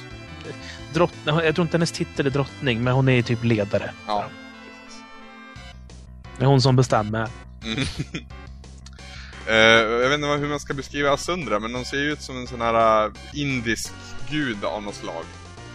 Uh, och det tar ju sin beskärda tid att besegra henne, men jag lyckas på, på en hårsmån besegra henne och Alltså hon är inte ond utan hon vill bara testa min förmåga. Så att när vi har besegrat henne då får vi också möjligheten att kalla henne. Alltså Rydia kan kalla henne som ett väsen. Och där, där Asundra gör då vid såna här, när man har kallat henne, det är att de fyller på all hälsa på alla partymedlemmar. Och det här är ju extremt användbart just i slutstriden då. I och med att den, eh, Ceremus har den här attacken som tar så pass mycket på alla. Så tack vare den kallelsen och tack vare att jag kastar wall på Rydia så att inte all Ja, så att hon inte dör vid en attack så att säga, så lyckas jag faktiskt besegra Ceremus vid mitt andra försök. Jag gillar här att du börjat använda statuseffekter. Wall menar du? Ja, alltså, jag minns att senast här så pratade vi om att några som la Quake-attacker mot dig och, du, och jag tipsade om flow. Ja, det var ju också väldigt användbart. Det var ju så jag tog mig igenom den här grottan bland annat. För där var det ju mycket Quake. Det var... eh, Jag vet inte vad fienderna kallas, men de kör Quake i princip hela tiden. Men då satt man så att eh, Rosa hade första tjing så att säga. Så länge det inte var något annat som bestämde. Och då kastade hon float på alla och då gick det ju skitbra.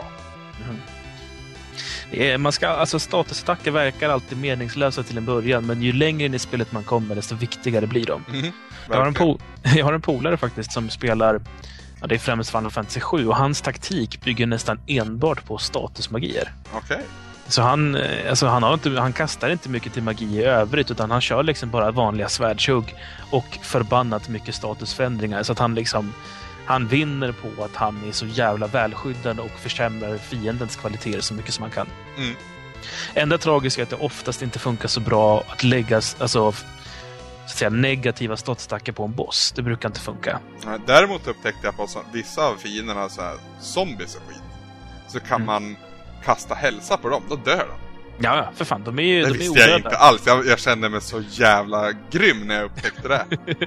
Hur upptäckte du det förresten? jag vet inte, jag fick för för att jag tror jag kom åt fel knapp så att jag kunde. Eh, så att jag hamnade på- med pekaren på den här zombien och så bara Kan jag he- hela den här tänkte jag för mig själv. Så, Ja, jag prövar väl då. Och så dog han. och det kändes ju som att jag hade löst all världens mysterium. Det är ett ypperligt sätt att levla i Final Fantasy 13. Nej, 12 menar jag. Okej. Där finns det nämligen en, eh, en grotta där det spanar för jävla mycket eh, odöda fladdermöss. Alltså såhär vampyrfladdermöss. Ja. Och om du då har Kuraga som är liksom en massiv jättekjor som kommer på alla som är i rummet. Mm. Så bara sätter du den på att automatiskt skicka Kuraga så fort det finns en fiende som är odöd i närheten. Så behöver du typ bara stå still mitt i rummet och så bara dör typ 120 fiender runt omkring dig för de spanar hela tiden också. Final Fantasy 12 var det alltså. Ja, det är en Ja. ganska lång bit in då. Men, Ja, men det var alltså det, det, det sista på Playstation 2. ja, precis. Ja, kommer väl dit så småningom också.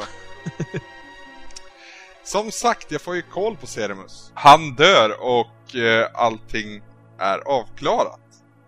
Jag har lyckats klara Final Fantasy 4. Tjoho! Applåd till mig.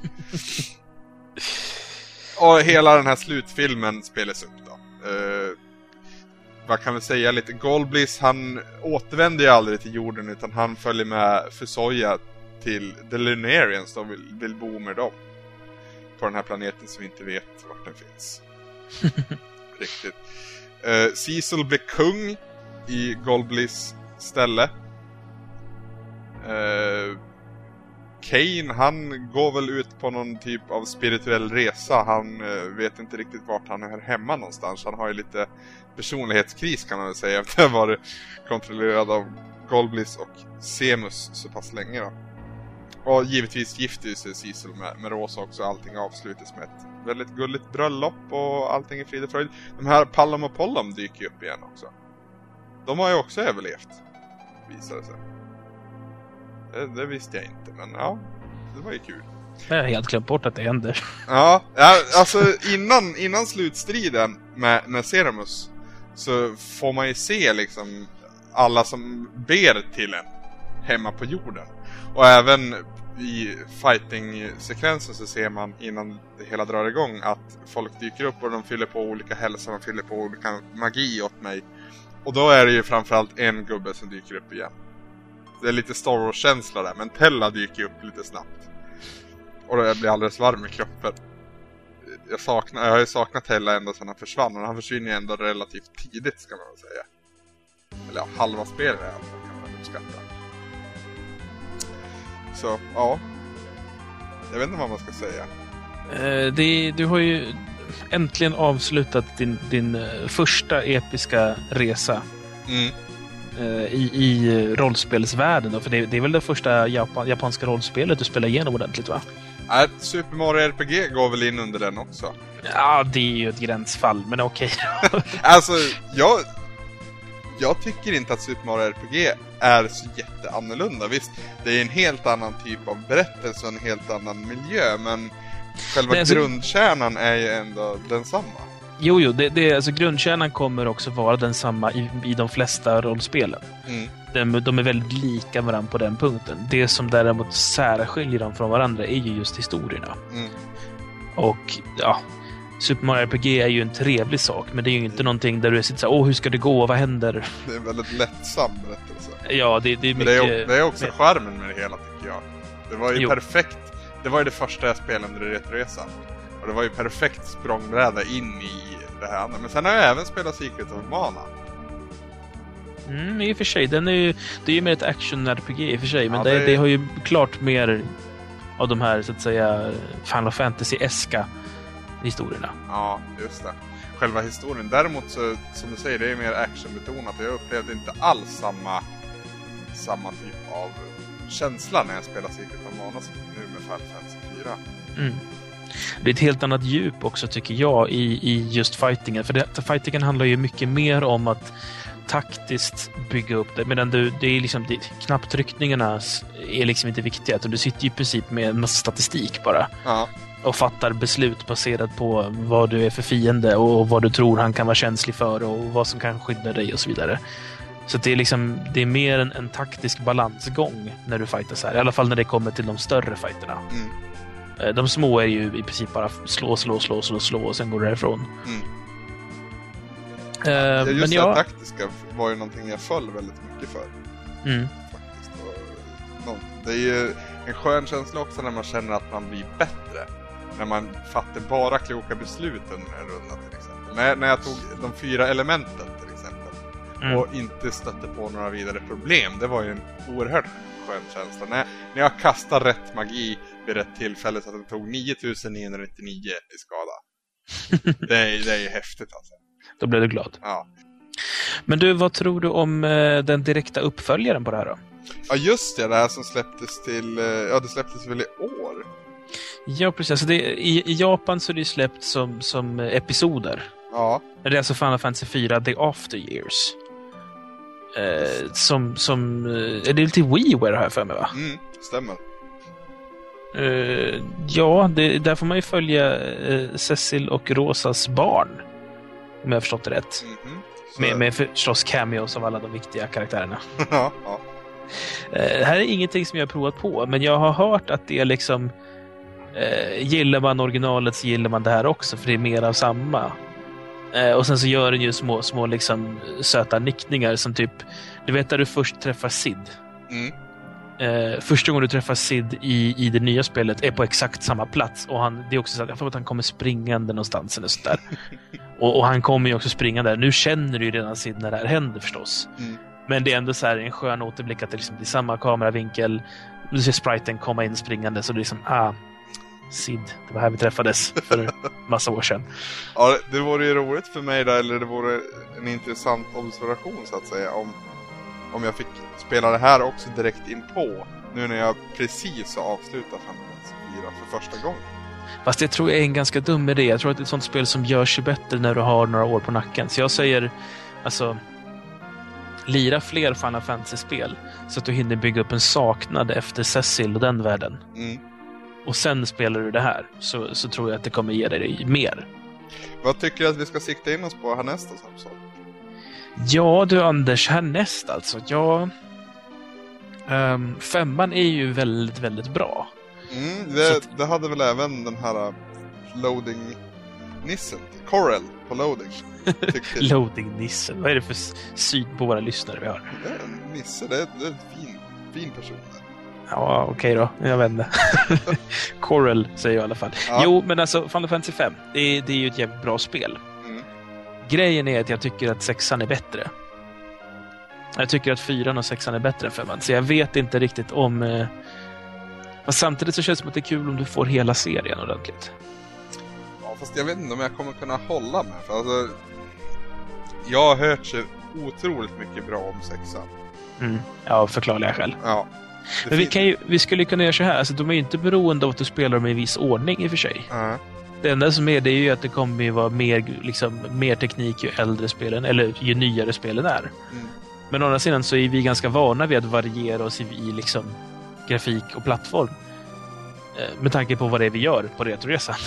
Ja, ja men alltså, sen, det måste jag flika in också om Final Fantasy 4 igen. Alltså, vi har ju varit noga med att säga att det inte har toppklass på grafik och, och ren prestation så att säga.